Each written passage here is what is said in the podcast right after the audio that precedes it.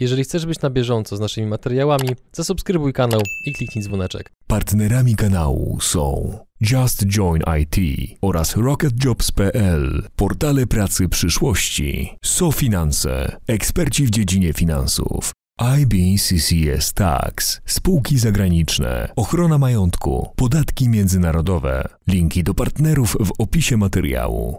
Dzień dobry drodzy widzowie, ja nazywam się Adrian Gorzycki i witam Was w kolejnym odcinku Przygód Przedsiębiorców, gdzie tym razem naszym gościem jest Jacek Charkowski. Jacku. Zbudowałeś wraz ze swoim zespołem sieć 750 lombardów w Polsce. Zgadza się? Zgadza się. Kolosalne osiągnięcie. No może. I zaczynałeś w wyjątkowych czasach, które prawdopodobnie nie wrócą, czyli w latach 90. Jak, jak wtedy to wszystko wyglądało? Jak wtedy odbywał się biznes? Wtedy były trochę inne czasy. Świat wyglądał troszeczkę inaczej i było to bardziej chyba skomplikowane niż obecnie. Mój początek był w 1996 roku. Pierwszy otwierałem Lombard. Yy, Namówił mnie na to mój wujek, który pracował w Lombardzie i był ochroniarzem. I yy, ten Lombard się znajdował dosyć blisko mojego pierwszego Lombardu. Moja żona miała zegarmi- zakład zegarmistrzowski i wujek mówi, słuchaj, spróbuj otworzyć, bo to jest nawet dobry biznes. No i Czemu namawiał Ciebie, a nie samemu? Zamiast samemu otworzyć? Ciężko było znaleźć lokal. W tych czasach było bardzo, było, y, każdy prowadził biznes i wszędzie się chyba wszystko kręciło. I nie było pustych lokali. A żona miała zakład zegarmistrzowski i sama dosyć doży, du, w dobrym miejscu lokal i stwierdziliśmy, że w tym miejscu mo, można by było otworzyć, blisko tamtego Lombardu, gdzie wujek pracował. To biorąc pod uwagę to, że żyjemy w covidowych czasach, gdzie wiele lokali świeci pustkami, to w ogóle ciężko sobie wyobrazić, że było kiedyś tak, że ciężko było w ogóle znaleźć lokal. No tak było, bardzo ciężko. A powiedz proszę, no bo mm, doskonale na pewno zdajesz sobie sprawę, że branża lombardów u różnych ludzi może budzić różne skojarzenia. Pomimo tego, że żyjemy w 2020 roku, to jak wyglądała branża lombardów w latach 90., gdzie no, te mechanizmy prawne chyba były troszeczkę inne niż są w tej chwili? Lombardy ludzie kojarzyli w tych czasach y, ogólnie, że to prowadzą bandziory, y, czarna strefa, można tak powiedzieć. Na początku, tak jak pierwszy otworzyłem, to miałem po prostu, też nie mogłem tak zaistnieć. Było to, wyglądało to troszeczkę inaczej, że było dużo towaru, wszystko się szybko sprzedawało, nie było internetu, ciężko było wycenić. Bardziej można powiedzieć było sprzedawalność, było, nie było mediamarktów, nie było dużych sklepów. Wszyscy raczej kupowali w malutkich sklepikach. Często było dużo rzeczy branych na raty, ludzie brali. Ku, y, Po prostu przychodził do mnie, zastawiał, pożyczałem i ten sam właściciel sklepu przychodził i kupował ode mnie towar. Y, Ale było też i łączyło się, że w tych czasach było dużo, to było jakby przejście z, y, z komuny na prywatyzację. No i powstawały grupy czarne. Jak pierwszy Lombard otworzyłem, to przyszli do mnie panowie z bronią i próbowali mnie zastraszyć, żebym płacił haracz i z tym związane. Miałem parę razy rozbite szyby, miałem po prostu e, e, klamki odsmarowane smołą, innymi rzeczami. Wrzucali jakieś śmierdziuchy, no różne historie. Jak wygląda rozmowa, kiedy ktoś do Ciebie przychodzi i uświadamia Ci, że będziesz płacił za ochronę? E, Panie Adrianie, to jest tak, e, że bardzo, bardzo byłem przestraszony. Ja nie będę. E, Miałem w sam raz takiego kolegę, który, ja grałem w piłkę i on by- był jakby, miał moją kartę zawodniczą i on troszeczkę działał, można powiedzieć, w tej branży ciemnej. Był No i- zorientowany w sprawach tak, miasta. w tych czasach. No i troszeczkę mi pomógł i chłopaki się ode mnie troszeczkę odsunęli. I miałem przez pewien czas spokój. A to potem to wróciło, czy nie? Y, Później jak po- powstawały nowe punkty w innych miastach, to często się zdarzyły, y, że w danym mieście miałem problemy. Tylko, że y, na początku moja pierwsze punkty, około pierwszych 20 powstało we Wrocławiu i byłem już rozpoznawalną marką we Wrocławiu. Tylko, że jak ja zaczynałem pierwsze 10, to każdy Lombard otwierałem, inna reklama, inne brand, nie miałem to, z... oby otworzyć i się kręciło, a nie patrzyłem e, Żeby było spójne. Żeby było spójne. I w pewnym momencie, gdy miałem już tam 15 czy ileś, doszedłem do wniosku, że trzeba coś zrobić, żeby to mniej więcej była marka troszeczkę rozpoznawalna. No i y, po prostu y, stwierdziłem, że trzeba wprowadzić komputery, internet, zrobić coś z tym, zatrudnić lepszych ludzi. Y, No, Na takiej zasadzie to się odbywało. kiedy e, mój wspólnik Bartek robił z tobą takiego krótkiego briefa, żeby właśnie się zorientować w takich powiedzmy ciekawostkach dotyczących Twojej działalności, no to między innymi rozmawialiście o tym, że doświadczyliście powodzi w Waszym biznesie. Mogę Jak tak powiedzieć, że ta moja historia, jak już tak rozmawiamy, jak otworzyłem pierwszy punkt, e, wujek u mnie się zatrudnił i od razu po miesiącu przyjechali Rosjanie i sprzedali mi złoto. I okazało się, że to złoto było grubo pozłacane i straciłem na tym 40 tysięcy złotych. Bolało E, pewnie. Bar, bardzo, bardzo bolałem. Nie mogłem długo się otrząsnąć z tego i po pół roku była powódź. I powiem szczerze, że już miałem chęć to zamykać. Yy, Nawet płakałem z żoną, bo to były nasze całe oszczędności poszły, które miałem, ale okazało się, że żona była takie yy, pożyczki dla, przedsięb- yy, dla powodzian, Mhm. ale te, te po prostu te pieniążki musieliśmy przeznaczyć jakby na remont lokalu.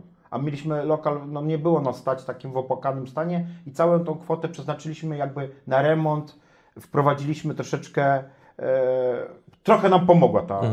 No i od tego czasu e, próbowaliśmy, zaczęło już iść troszeczkę lepiej. I z całego towaru przetrwały tylko telewizory. Tak, nawet by Pan o tym nie. Yy, Powódź zabrała nam prawie wszystko, ale gdzie ja się nie spodziewałem, zostały telewizory, które działały, były w mule. Jak się wysuszyły, klienci je odbierali. Wie Pan, był problem też taki, że... Poczekaj, poczekaj, poczekaj, bo byliśmy na ty, więc A, jeszcze a, raz bądźmy na ty. Adrian. Jacek. Dobra, kontynuuj.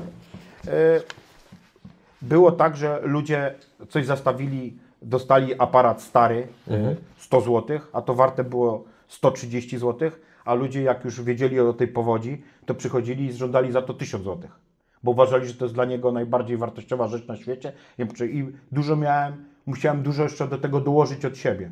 Bo ludzie po prostu jak wyczują słabość, to jadą do, do spodu. A co Cię kręciło w tym biznesie? No bo y, wyobrażam sobie, że y, tak ogromna ilość różnorodnych sytuacji z ludźmi może powodować pewien poziom stresu. Więc musi być coś, co w pewien sposób te pewne minusy, które ma każdy biznes, y, więc musi być coś, co te minusy w pewien sposób równoważy. To czym, co, co to było u Ciebie w Twoim przypadku? Adrian, to było tak, że ja na początku pierwszych pięć punktów, których otworzyłem, to ja pracowałem jako przedstawiciel handlowy w firmie. I prowadziłem tak jakby e, mój wujek pracował, później mojej żony yy, kuzynka. Yy, Otaczałem się pierwszych pięć, pracowała u mnie rodzina. Ja pracowałem jako y, przedstawiciel handlowy i dobrze zarabiałem i wszystkie pieniążki, które zarabiałem, pompowałem w interes. I tak naprawdę to dopiero za, po piątym Lombardzie zaczęło to troszeczkę y, wyglądać dużo lepiej, że pieniążki za, zaczęły za, y, zostawać. Ale przez kupę czasu musiałem do tego interesu y, y, jakby z- pieniążki zarobione ładowałem w kolejny interes. Wpakowałem, bo to jak punkt otwierasz, to oprócz otwarcia musisz później jakby te pieniążki wkładać, wkładać, wkładać. Dopiero po pewnym czasie, jak już jest y, ileś tam wsadzonych Skala. pieniędzy, skala, zaczyna to się przynosić zysk. To co Cię jarało w tym wszystkim, że to robiłeś? Chciałem zarabiać, chciałem być biznesmenem. Czyli przede wszystkim jakby aspekt finansowy. Tak, aspekt finansowy przede wszystkim. Yy, powiem szczerze, że w tej branży jest tak, że dużo ludzi przychodzi i yy, ktoś to potrzebuje pieniądze, yy, typu samotna matka, która koń do, potrzebuje do końca, do 15, jak to się mówiło, przeżyć, a też potrzebował pijak.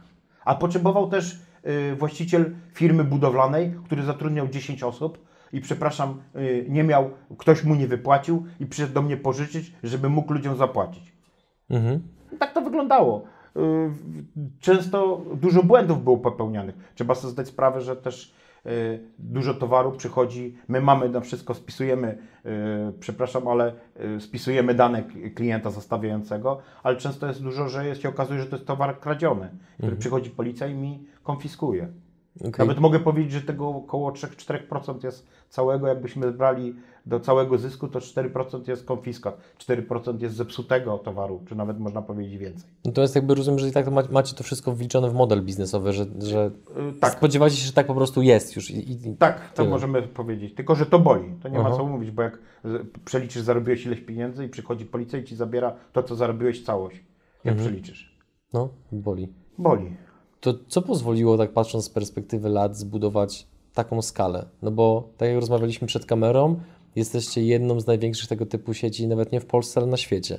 Więc to jest ogromne osiągnięcie. y, do 10, jak do 10 sztuk byłem w stanie przypilnować i kontrolować. W pewnym momencie, to były dwa- 90 lata, y, wychodziłem, pracownicy mnie kręcili. To tak e, powiedzmy, to jest możliwość tutaj, wie pan pożyczył pod telefon 1000 zł, sprzedał go za dwa, a mi wpisywał, że za 1200 zł. Okej, czyli oszukiwali. Oszukiwali nawet, ale zdawałem sobie sprawę z tego, że i tak y, y, zarabiam. I nie, przepraszam, nikt nie chodził na urlopy, nikt nie chodził y, na chorobowe, bo ludzie, pracownicy zarabiali takie pieniądze. I ja podchodziłem do tego, że z każdego punktu, jak mi zostaje, a nie są to małe pieniądze, to nie będę się z tym męczył, czy mnie okrada, czy nie, ale już przy 10 skala czasy się zaczynały zmieniać i mówię, muszę poszukać coś takiego, żeby skomputeryzować, skomputeryzować to, zrobić do tego specjalny program, yy, napisać, żeby można było to kontrolować. To jest ciężka branża, bo dlatego, że yy, tu ni- to są rzeczy używane. Jest telefon, który może być zepsuty, porysowany. Na to musi być kupiec też, bo pożyczyć jest łatwo, ale ty musisz to jeszcze później sprzedać. Mhm. I z tym, na tym się trzeba trochę znać. Y, Ludzie są takie, ja powiem szczerze, no ja prosty przykład, pracownik u mnie pracował i ileś lat przychodził klient do niego i zostawiał y, laserowe drukarki. No i chłopaki płacili po to po 500-700 zł za. On gościu przynosił po 20 tych laserowych, ale okazało się po roku czasu, zostały nam te las, laserowe drukarki. Oni otwierają, a tam są e, zwykły papier wsadzony. Je sprawdzali, zgubiło ich. Mhm. Rutyna. Było zaklejone wszystko. No takie rzeczy też się zdarzają. No. No właśnie, czy mógłbyś trochę też więcej powiedzieć o tym, jakich manewrów, żeby nie powiedzieć oszustw, do, dopuszczają się klienci, żeby tylko właśnie zostawić u Was towar i żeby uzyskać gotówkę? Ludzie próbują e, różnych rzeczy. Ciężko mi jest dzisiaj tak powiedzieć, e, co. No każdy chce dostawać jak najwięcej, ale też bym skłamał. Y, Na 100 klientów 90 jest bardzo uczciwych. Y, Mhm. 10 jest kombinatorów, złodziei, a 90 to są ludzie, którzy są wdzięczni. To jest typu emerytka, który brakowało, y, żyła do 15 i 10 zaczynało brakować pienio- pieniędzy. Przychodziła, pożyczała 50 zł, że potrafiły, y, mogła przetrwać przez te 5 dni. To bardzo często spotykacie się pewnie z historiami, które chwytają za serce. Tak, tylko że y, bo ludzie spostrzegają, że lombardy y, to jest tylko wykorzystywanie, oszukiwanie, takie były typu karki, typu. mm, Ja to starałem się zawsze ocieplić i po to, że ludzie też przychodzą i mówią swoje żale. Klienci potencjalnie mówią, a to mu się nie układa z żoną, a to. Dlatego też przychodzą ludzie do lombardu, żeby też oprócz tego, że pożyczyć, to jeszcze porozmawiać. To jest tak trochę swoje żale. No też dlatego sztuką jest, żeby ten potencjalny pracownik umiał rozmawiać z tą osobą. A powiedz, bo no, to jest sytuacja, której myślę, że no, doświadczy mało który przedsiębiorca i jednocześnie wyjdzie z niej cało i, i uda mu się zbudować taki biznes. Jak to jest rywalizować w branży, przynajmniej w latach 90., gdzie, tak jak powiedziałeś, wiele lombardów było prowadzonych przez przestępców, a ty starasz się być uczciwym przedsiębiorcą, który gra według określonych reguł, a masz po drugiej stronie ludzi, którzy nie przestrzegają żadnych reguł. To jak taką walkę w ogóle wygrać? Adrian, no z początku było, y, y, wydaje mi się, że w latach 90. było zdecydowanie więcej ludzi korzystających z lombardów. Było, powiedzmy, chyba była Polska bardzo, bardziej biedna niż obecnie. Dzisiaj jest możliwość pożyczenia w banku łatwo, jest dużo masy firm pożyczkowych. Ogólnie chyba wydaje mi się, że ludziom się lepiej żyje i dzisiaj ja troszeczkę przekształciłem z lombardów, z pożyczek pod zastaw, pod komisy sprzedaż towaru bardziej. Ja wydaje mi się, że jestem jedną z największych firm w Polsce, która handluje używanymi rzeczami. U mnie możesz, przepraszam, masz sześć zegarków w domu, y, cztery telefony, które są niepotrzebne. Nie, umie, nie chcę Ci się tego wystawić. U mnie możesz przyjść do mojego punktu w całej Polsce i sprzedać to. Ludzie o tym nie wiedzą. Ludzie myślą, że to są na ogół y, Chociaż ja mi się wydaje, że przez to ludzie y, oci- ociepliłem trochę branżę lombardową. Ja nie powiem, bo dzisiaj konkurencji w Polsce jest też tak dużo, ale mniej więcej w Polsce każdy punkt widzi lombard przez 2O i wie, że pewne rzeczy u mnie nie zrobisz. Jest w tym kierunku tak ma być i tak że staramy się ludzi nie oszukiwać, żeby byli zadowoleni. I zawsze podchodziłem do tego, że nie możemy, że ktoś, kto przychodzi, zastawia się, musimy go szanować. Nie, że nabijamy się. Pani, ty, Adrian, na pewno nigdy nie korzystałeś z Lombardu. Nie, ale powiem Ci, że zamierzam. Dlaczego? Dlatego, że mam w domu, tak jak powiedziałeś, sporo rzeczy, których już nie używam, których chciałbym się pozbyć, natomiast dotychczas moja perspektywa myślenia o pozbyciu się tych rzeczy była taka, że albo je wydam gdzieś tam za darmo, albo wystawię na OLX-a i będę przez tydzień odbierał telefony od dziwnych ludzi, którzy będą negocjowali o 10 zł w dół. I ja nie chcę tego doświadczać po prostu. Natomiast w momencie, jeżeli mogę z tymi przedmiotami przyjść na przykład do Was i dostać za nie nawet ułamek ceny, ale się pozbyć tego przedmiotu z domu, no to prawdopodobnie po prostu w przyszłym tygodniu się u Was To zjawi. Adrian, zapraszam. Tak to wygląda. Dzisiaj troszeczkę jest to branża taka, że ludzie przychodzą i się pozbywają u nas towaru. My go czyścimy, sprawdzamy, wystawiamy. No musimy na tym zarobić. I dzisiaj dużo ludzi nie umie wystawiać. Na przykład moja żona nie umiemy posługiwać się, dla nas jest to skomplikowane. To na woli przyjść, sprzedać i my się tym zajmujemy. Jasne. Natomiast jakby wrócę jeszcze raz do tego pytania, no bo mm, w którym momencie poczułeś, że zaczynacie w pewien sposób dominować na rynku, wygrywać tę walkę z konkurencją, z ludźmi, którzy właśnie no, nie grają do końca czysto? 10 pierwszych czy 12 y, byłem sam, byłem jedynym właścicielem. Przy dwu- 13 wziąłem kapitał szwagra y, z Niemiec, który dał mi trochę i otworzyłem dwa kolejne z nim, już na spółkę. Ale w pewnym momencie zaczęło to, y, rozjeżdżało się.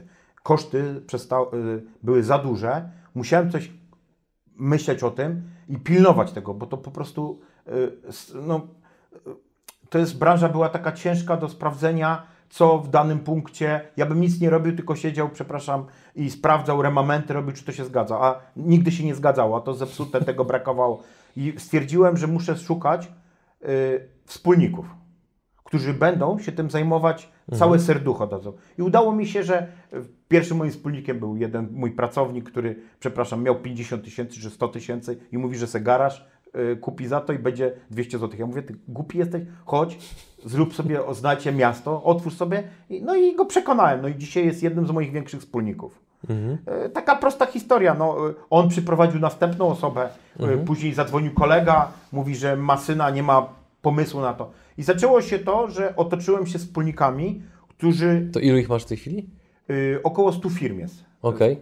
100 firm, z których, ale z niektórymi mam jeden Lombard, a z niektórymi mam 40. Mhm. Yy, pra- prawie we wszystkich jestem udziałowcem lub sprzedaję franczyznę yy, na takiej zasadzie. Płacą tak. ode mnie, korzystają z mojego logo, korzystają z mojego programu i na takiej zasadzie. Mhm. Że dajesz zaplecze, know-how, yy, wizerunek. Tak, staramy się, jak na przykład mam podpisany kontrakt z kimś na dane miasto, to yy, jeśli mam wspólnika, jesteśmy na przykład w Bydgoszczy, to yy, nie ma prawa nikt z mojej sieci już otwierać. Tylko decyzyjnie z wspólnikiem mówimy tu i tam możemy się otwierać. Okej, czyli taka wyłączność. Taka sposób. wyłączność. No i okazało się, że w, w 2005 w, w roku powstawało 100, 100 punktów. Od dłuższego czasu, powiedzmy dwa lata, troszeczkę jesteśmy w tej stagnacji. Te 700, od 700, te 50 to chyba w ciągu 5 lat. Yy, Jak wspominasz ten rok, kiedy nowy punkt powstawał co 3-4 dni? No bo w takim tempie to się rozwijała bądź rozwija Biedronka czy tego typu e, marki.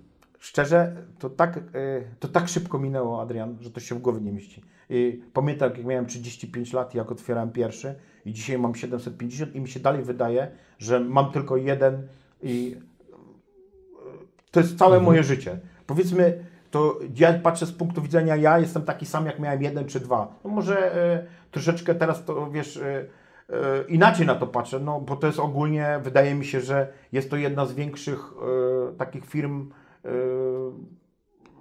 w, Polsce, można powiedzieć, a może nawet jedną z większych w świecie. I, y, ale ja jestem taki sam, jak byłem, nic się nie zmieniło.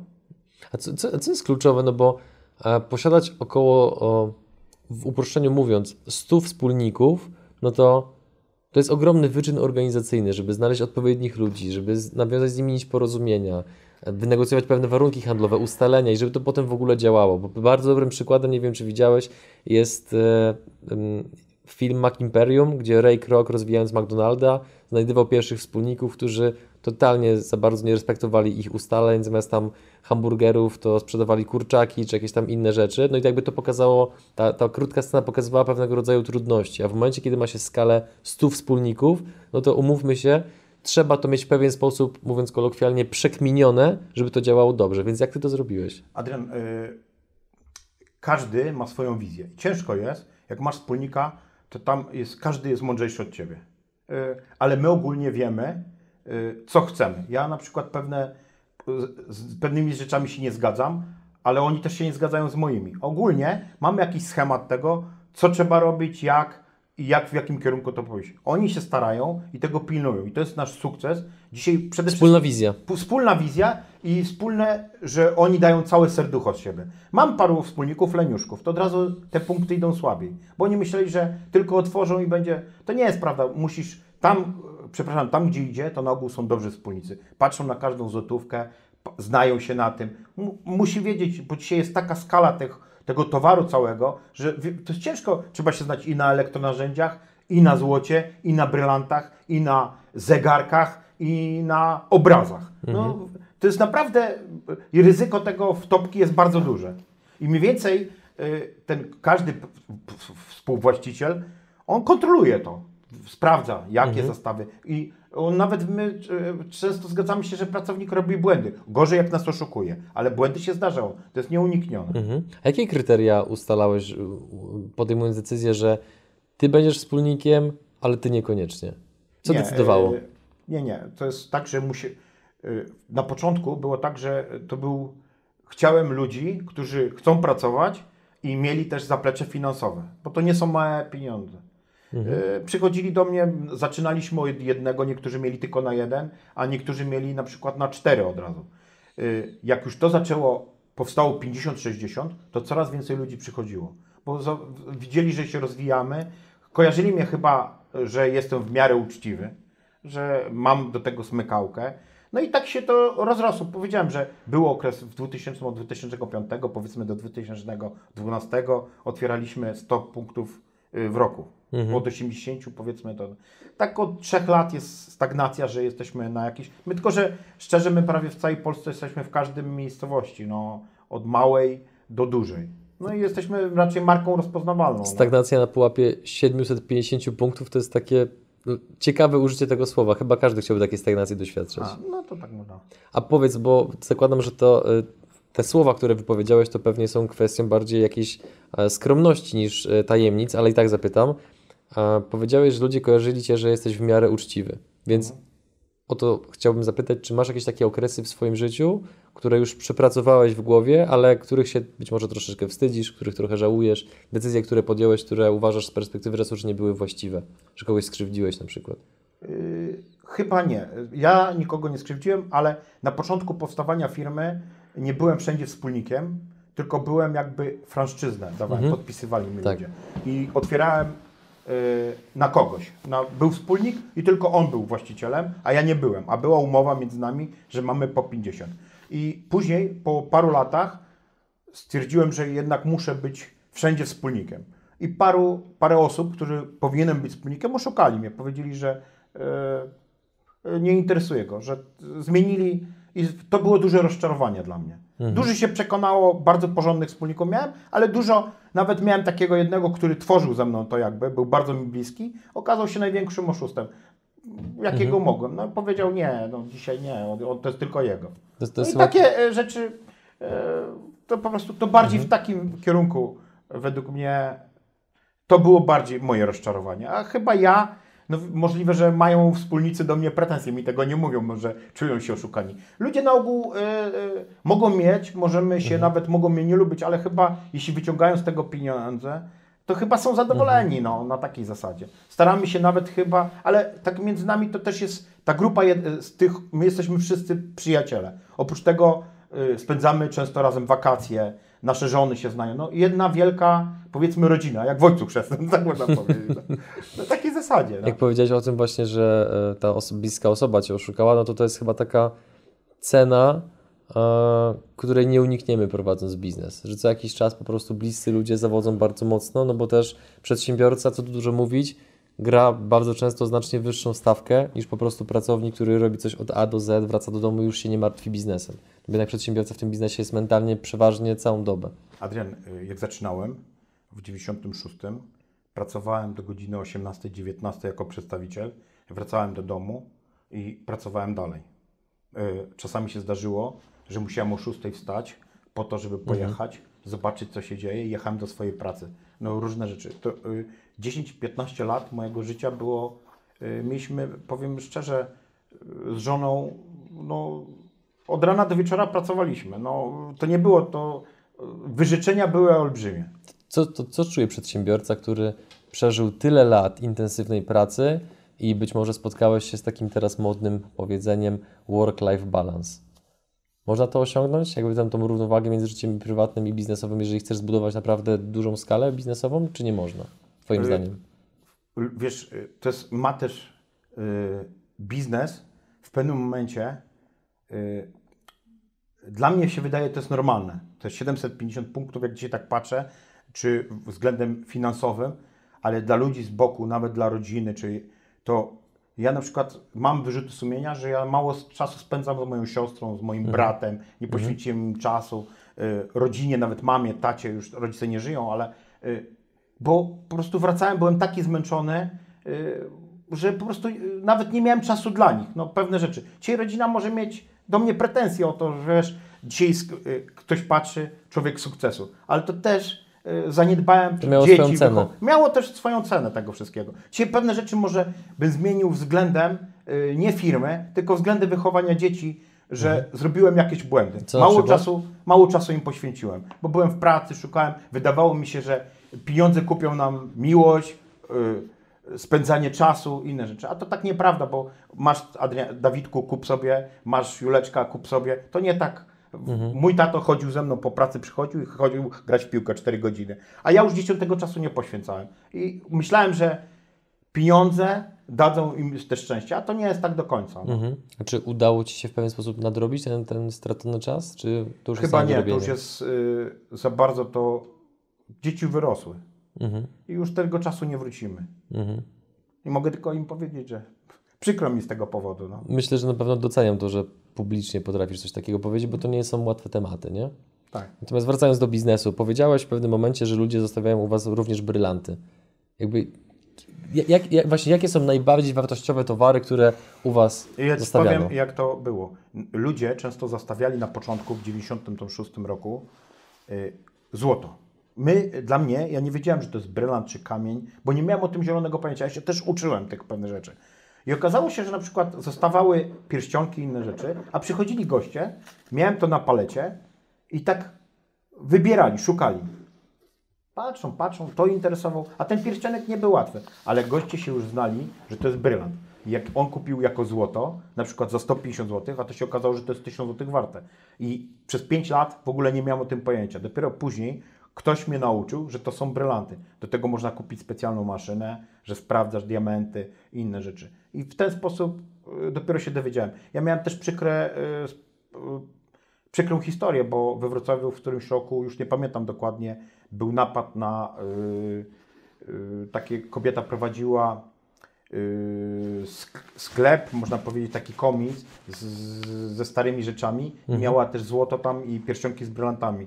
I trzech młodych chłopaków y, wpadło, zabili tą kobietę. Ja w sam raz ją znałem i przyszli do mnie zastawić to. Ja nie wiedziałem, że to z tego i później się okazało, że to było z tego włamu. Chłopaków złapali, chyba no, dostali tam jakieś kupę lat, ale no kobietę zabili. No i takie rzeczy też się zdarzają. No. Mhm. Smutna historia. To p- panowie pytanie, jakie najdroższe rzeczy u Was zostawia, zostawiano? W formie ciekawostki, powiedzmy widzom. Raczej, powiem szczerze, zdarzyło mi się parę razy auta, y, że przyjęte, ale z autami jest też przykre historie. Miałem, y, że okazało się, że gościu u mnie zostawił nowe auto Polo. Ja te auto sprzedałem, a okazało się, że nie można ich zarejestrować, bo gościu był na tyle, wiesz, ja przyjąłem to z papierami, z kartą pojazdu, a gościu poszedł do wydziału i w- nowe, że zgubił. I poszedł do banku pożyczyć. Auto stało u mnie, ja do sprzedania, a tu się okazało, że auto już jest dawno sprzedane i kupę pieniędzy na tym straciłem. Od tego czasu się trochę nauczyłem, że raczej w takie Mhm. drogie, cenne rzeczy nie wchodzę, bo to są często problemy. Ale y, y, najcenniejsze rzeczy obecnie dzisiaj, jakie mamy, to są chyba y, rzeczy z brylantami, z diamentami. Mhm. A która pomyłka biznesowa była najbardziej kosztowna dla Ciebie? Najbardziej Mhm. chyba to auto. I jeszcze było drugie auto, które pożyczyłem bardzo dużo pieniędzy i się okazało, że jest przerobione y, numery. To ile straciłeś na tym aucie? 70 tysięcy. Mhm. Nie było większych pomyłek, takich na kilkaset tysięcy, na kilka milionów? Nie, większych nie. No to właśnie to... Ale miałem, Mhm. y, mogę jeśli powiedzieć, największe wtopki było y, przez pewien czas grasowała grupa, która okradała mi lombardy, ale by, mistrzowie świata było. Wpadali, rozwie, roz, y, ta, to chyba w czwórkę, w maskach, we wszystkim, y, w nocy rozwalali rolety i wyciągali, bo ja miałem pod, mam pod alarmy i to wszystko. Dzisiaj mam wszystko zamontowane, ale jeszcze wtedy nie miałem, nie wiedziałem, że ktoś może sejfy, a oni szybko ładowali, mieli wózek specjalny, ten sejf kła- na ten wózek i wyjeżdżali z całym sejfem y, do auta. Trwało to 5-8 minut. Czyli to, musieli mieć to bardzo przemyślane. Bardzo przemyślane i powiem, był taki okres, że po prostu przez 3 miesiące 5 lombardów mi okradli. To, To straciłem wtedy na każdym, cały zastaw musiałem ludziom oddawać te złota inne, bo tam była i pi- pieniążki, i złoto klientów, i złoto do sprzedaży. No bardzo dużo wtedy straciłem. To jaka była wartość mniej więcej tej straty?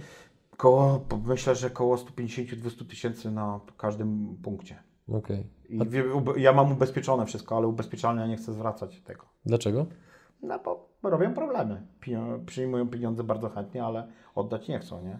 Oni myślą, że to może jakieś krętactwo, nie wiem, no nie, bardzo ciężko było odzyskać pieniądze. Tym sposobem dotarliśmy do końca naszego wywiadu e, i zgodnie z tradycją ogłaszamy konkurs. Powiedz w skrócie, czym je, o co chodzi w konkursie, a ja doprecyzuję pewne elementy.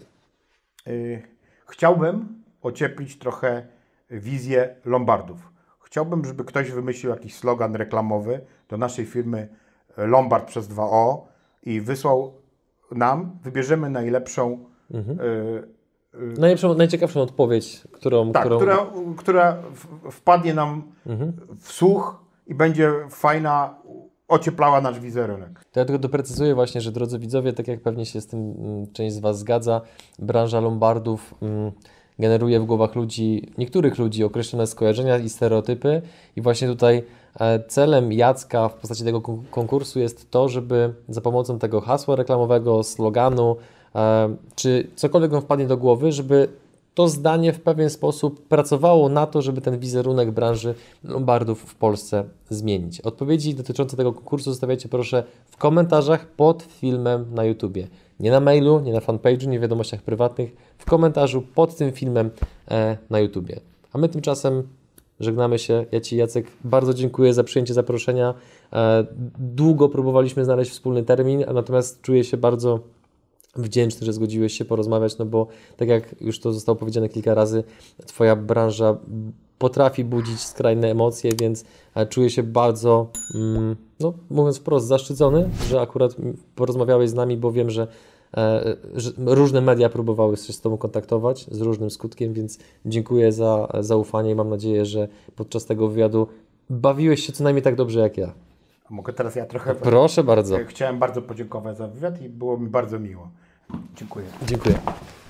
Dalsza część wywiadu znajduje się w linku poniżej w opisie filmu.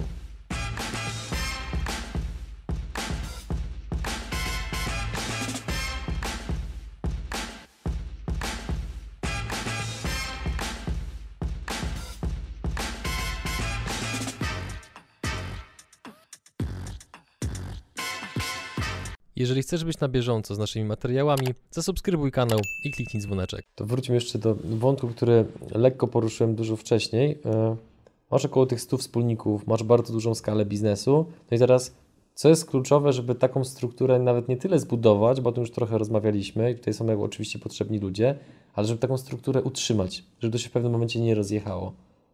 No bo jest masa przykładów firm Adrian, w ale ja, Polsce i te, na a ja, świecie. Adrian, ja tego nie wiem, czy się nie rozjedzie.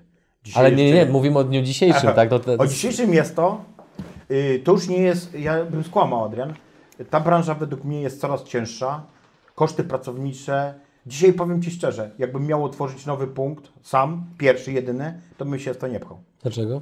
bo nie jest to już tak, y, opłacalne, jak było kiedyś. Jest to bardzo skomplikowana rzecz. Czyli hipotetycznie, gdybyś ktoś chciał teraz zostać Twoim wspólnikiem, żeby otworzyć punkt numer 751, to nie, odradzasz? e, nie, przyjmę, bo ja się na tym znam. okej, dobra. I w skali, ale to już, ja Ci powiem szczerze, jak były te w 2005 roku, z jednego punktu, y, na 10 punktów otwieranych, 8 było trafionych, y, dwa były bardzo dobre, super, trzy były średnie, cztery były powiedzmy niezłe, a dwa były dramat. Dzisiaj jest to odwrotnie.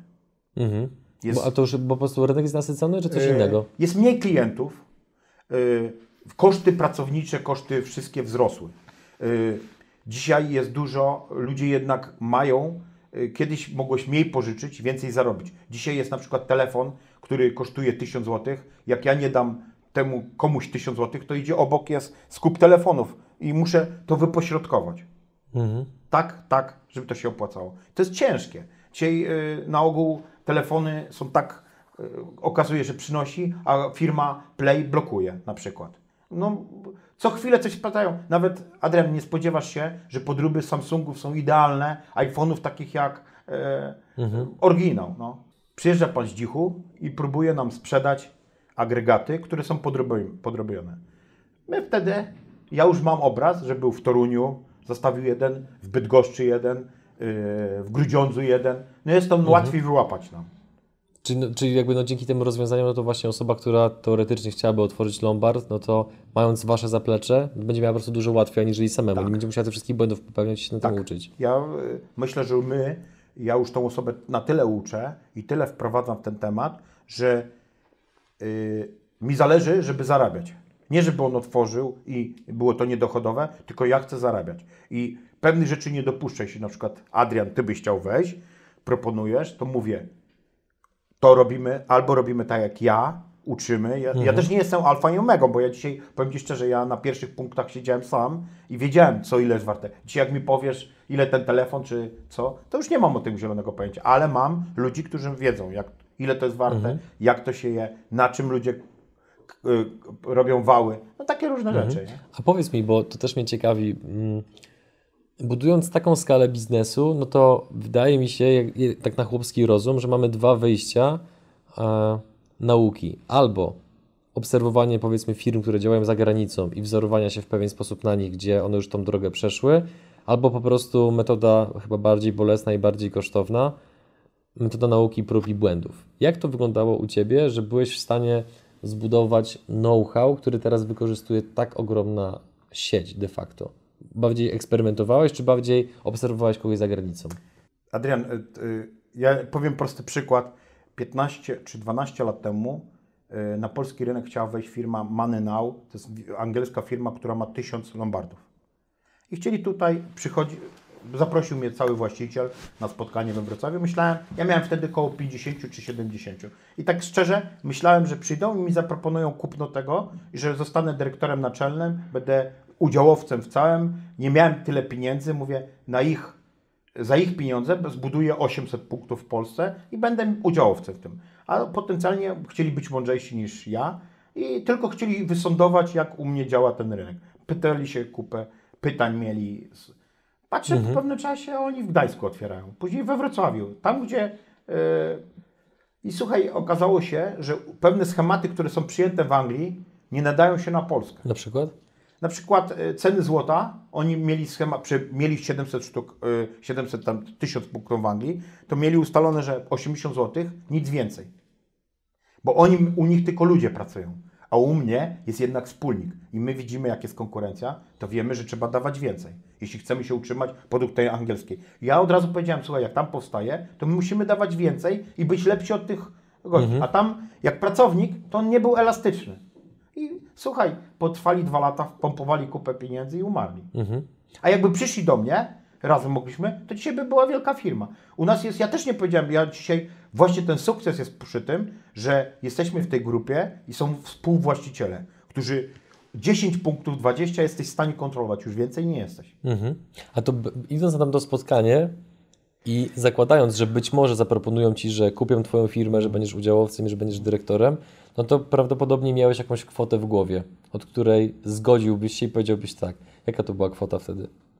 Nie pamiętam, e, ale Yy, Kiedyś ktoś obliczał, yy, jakbyśmy weszli na giełdę, ile firma warta i mniej więcej mi powiedział, ile to jest mniej więcej wartości. Można, Mhm. oni to jakieś przeliczniki robili, ale no, ja tak nie podchodzę. Dzisiaj nie myślę o sprzedaży tego, Mhm. ani o wejściu o giełdę, ani o innych, bo to jest prywatne pieniążki i my wszyscy pracujemy na to. Mhm. Ciężko to ocenić. Okej, to a gdybyście hipotetycznie wchodzili teraz na giełdę, to jaka byłaby wartość firmy? Myślę, że od 300 milionów do 500 milionów. Tak plus minus. Czyli sporo pieniędzy. No chyba tak. A czemu nie chcecie wejść na giełdę? Bo giełda jest skomplikowana. No, co w Polsce ci daje giełda? No nie za dużo.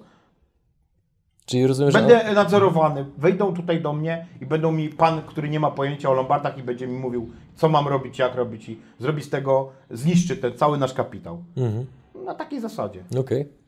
Wcześniej już na to pytanie częściowo odpowiedziałeś, e, niemniej ponowię je, bo chciałem Cię zapytać, co byś powiedział 20-letniemu sobie? Zakładam, że powiedziałbyś, spędzaj więcej czasu z dziećmi, między innymi, ale co byś powiedział jeszcze? Tak z perspektywy minionych lat. Z minionych lat nie wydaje mi się, czy zrobiłem jakieś błędy względem firmy. Y, na pewno y, można by było jeszcze jakieś rzeczy, których dzisiaj patrzę y, z punktu widzenia lat, że może zrobiłem źle. Y, możliwe, że za długo się zatrzymywałem, że nie szukałem tych wspólników, bo bałem się, że y, czym więcej ludzi się nauczy, y, to będzie dla mnie konkurencja. To może zrobiłem trochę za późno. Y, za późno poznałem y, ludzi, których jak miałem 15, to żałuję, że te osoby nie były ze mną 3 lata wcześniej 4, bo jak ja komputeryzowałem, to już było trochę za późno. Jak pisałem program, żebym to zrobił 3-4 lata wcześniej, to byłoby, dzisiaj nie miałbym 750, tylko bym miał 1400 w Polsce.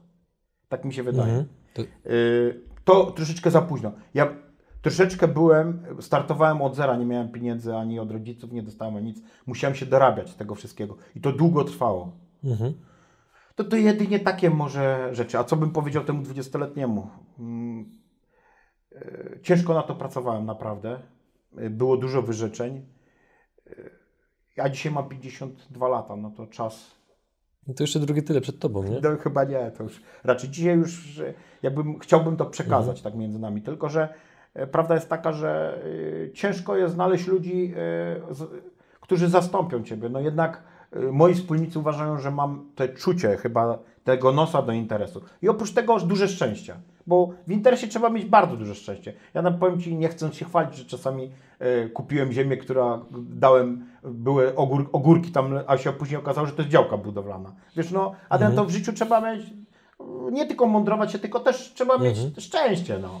Teraz żyjemy w czasach, w których młodzi ludzie mają, e, no i generalnie przedsiębiorcy, nawet nie tylko młodzi ludzie, ale przedsiębiorcy mają możliwość czerpania wiedzy z takich wywiadów jak na przykład właśnie z Tobą, z książek, z podcastów, szkoleń, wykładów. Skąd Ty czerpałeś wiedzę biznesową w tamtych czasach?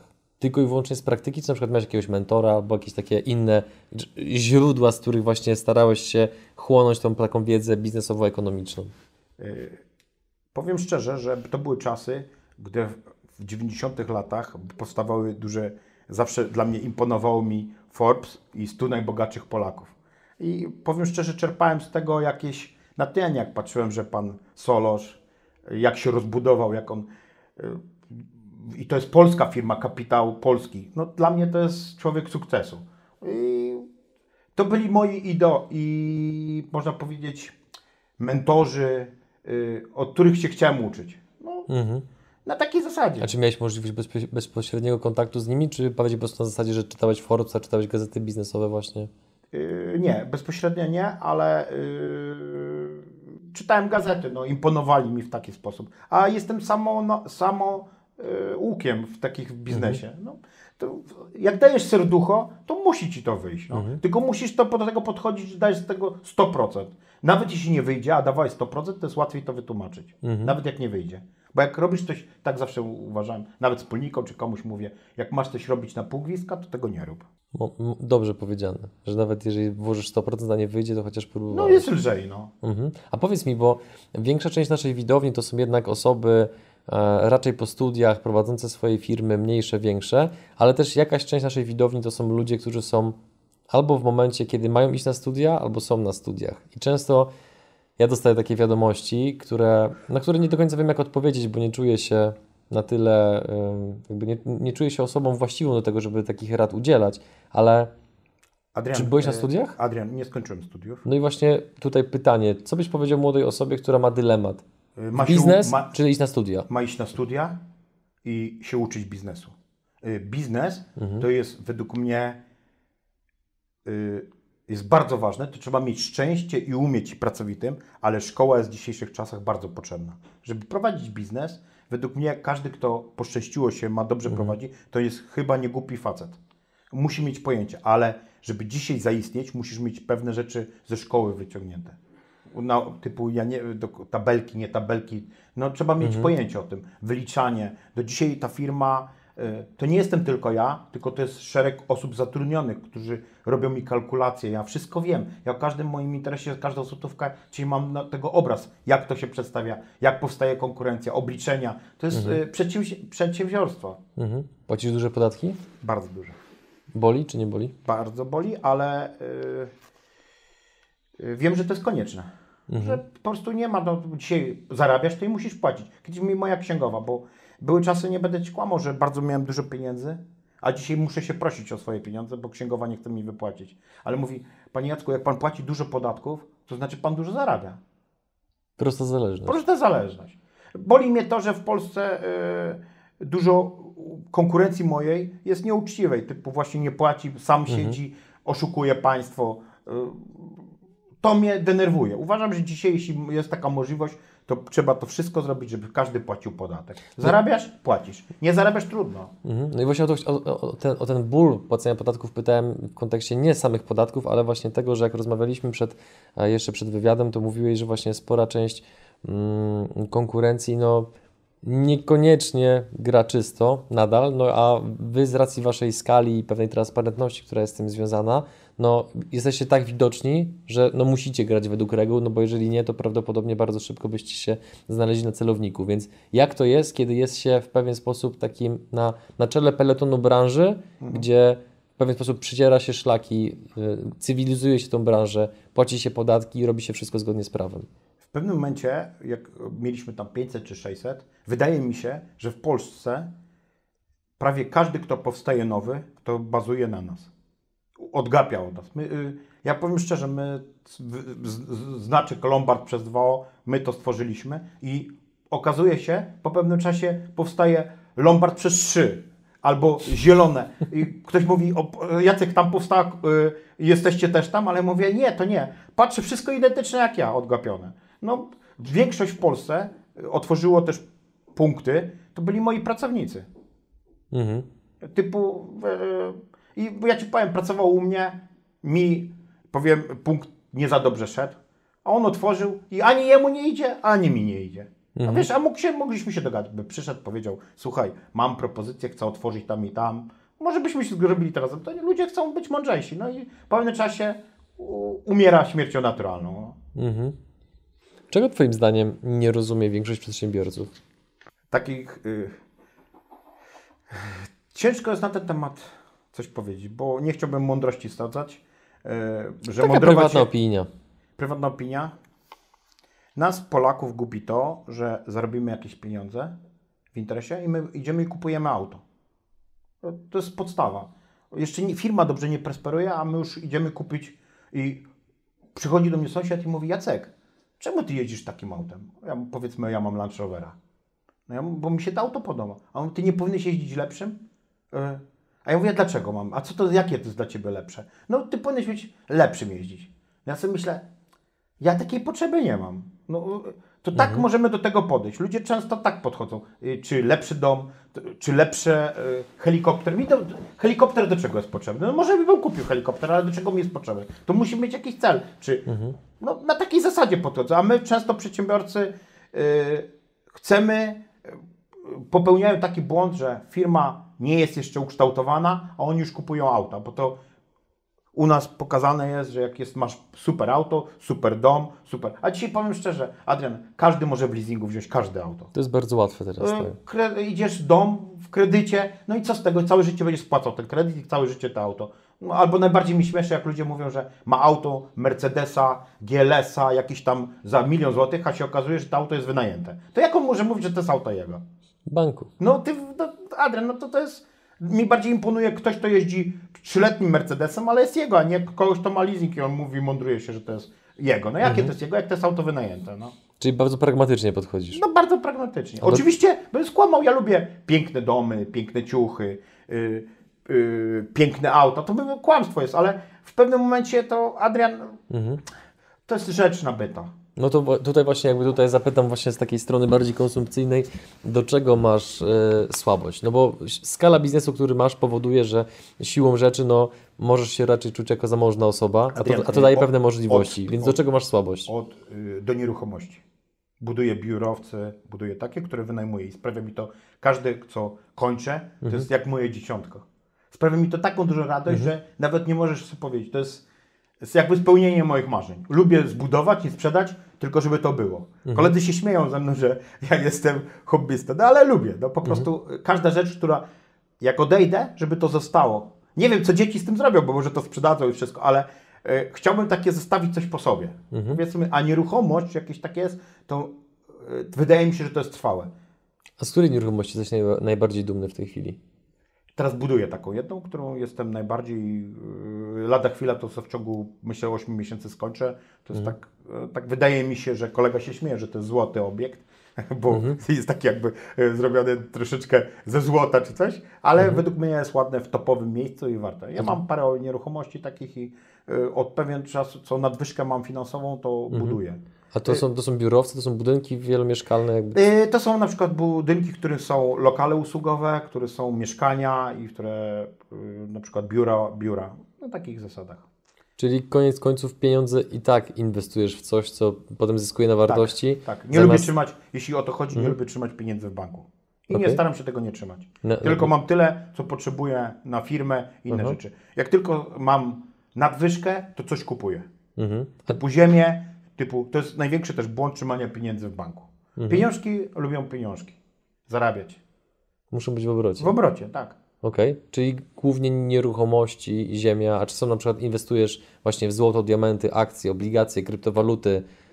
Y, Słuchaj, złota mam troszeczkę, to raczej ciężko jest. I żeby nie było, mam troszeczkę pieniędzy w, w lokacie, mam też trochę w nieruchomościach, trochę w złocie. Wydaje mi się, że ciężko jest dzisiaj, Adrian, wypośrodkować, co będzie, czy w walucie. Ja nie wiem, czy jutro na przykład masz euro, ja nie wiem, czy jutro euro nie spadnie. Albo z, wiesz, co mi mówią, że na przykład dzisiaj złotówka jest niepewną walutą, że może się okazać, że podług euro dużo straci. Dzisiaj y, zauważyłem, że na przykład jest teraz okres, że ludzie kupują bardzo dużo złota, bo złoto jest najpewniejsze.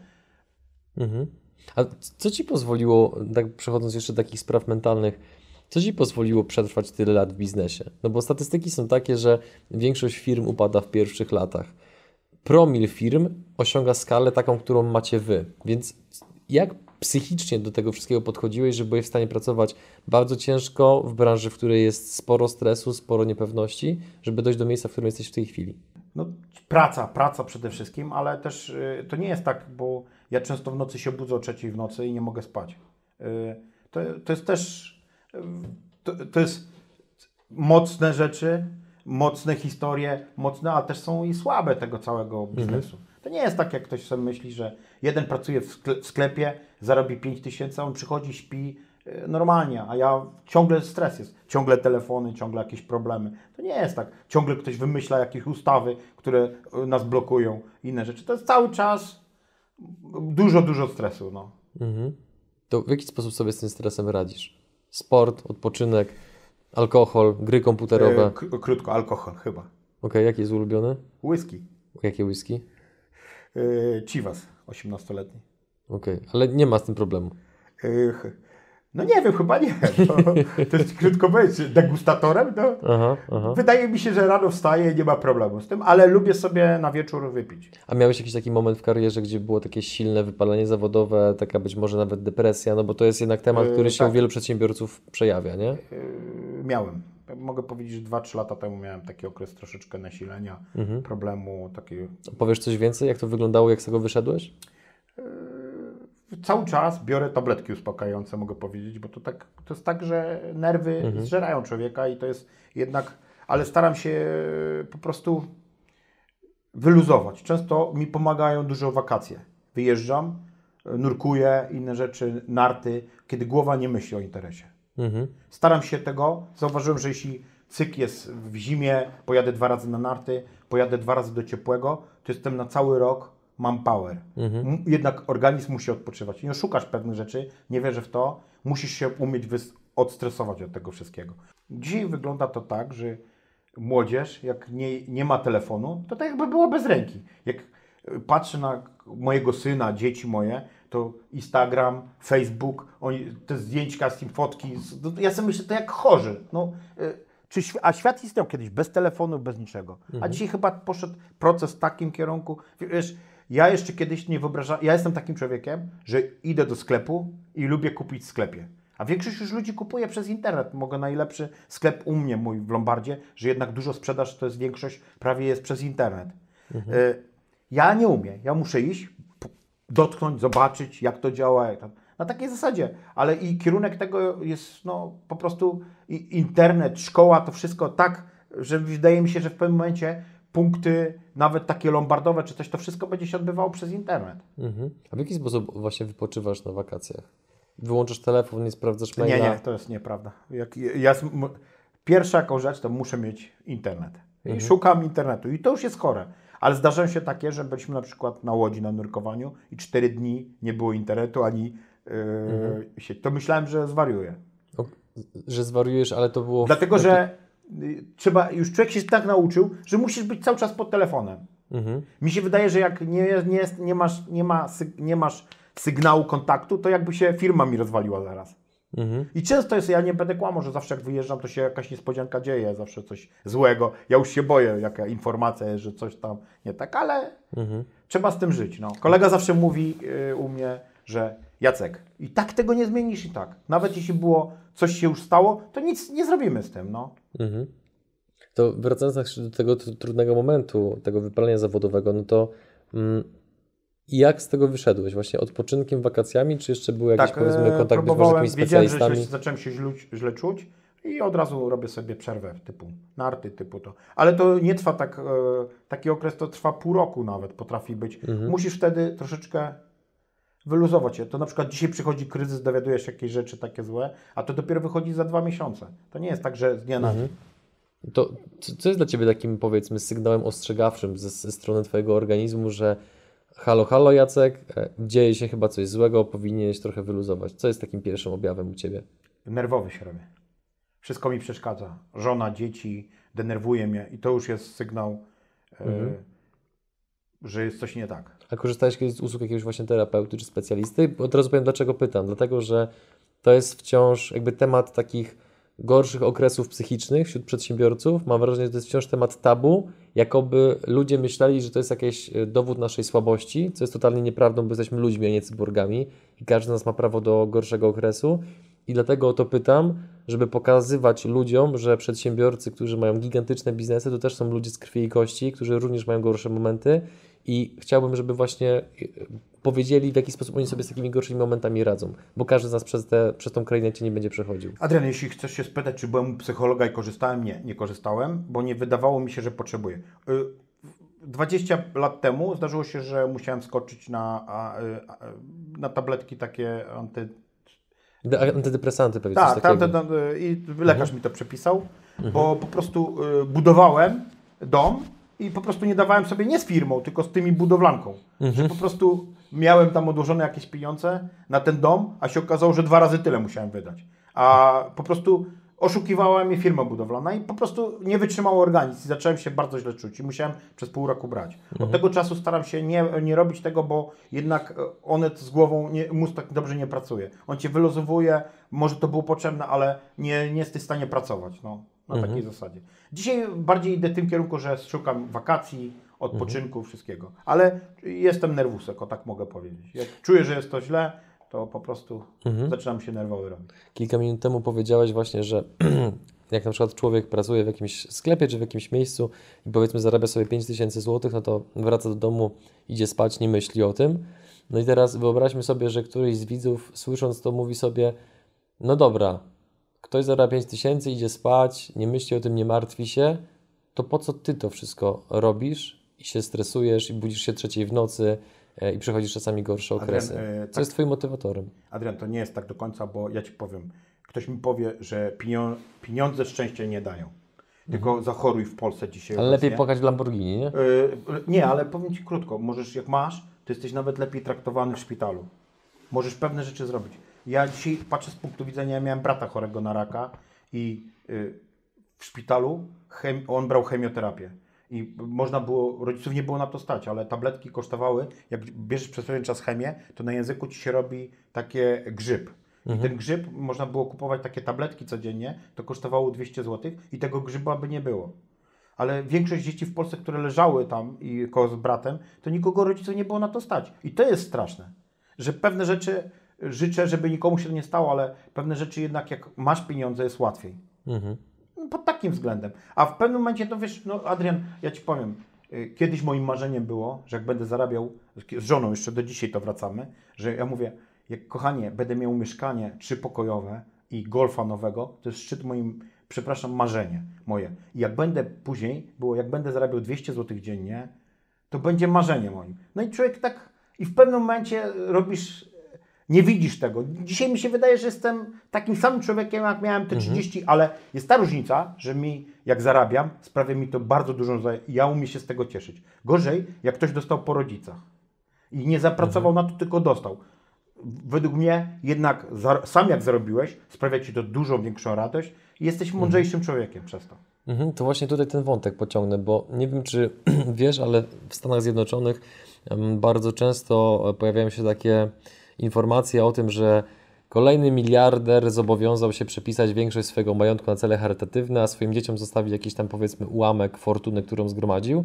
Jestem bardzo ciekaw, jaki Ty masz do tego stosunek, no bo e, tak jak już no, było wspomniane, jesteś osobą, która no, siłą rzeczy z powodu skali biznesu, który zbudowałeś, dysponuje pewnym majątkiem, który raczej jest ponadprzeciętnie duży. I teraz jakie masz przemyślenia w kontekście tego majątku e, w ujęciu do swoich dzieci? Zamierzasz im zostawić wszystko, część, czy jakby jak, jak, to, jak to rozwiązać, żeby tych dzieci nie zepsuć po prostu? No bo to o tym się często słyszy właśnie.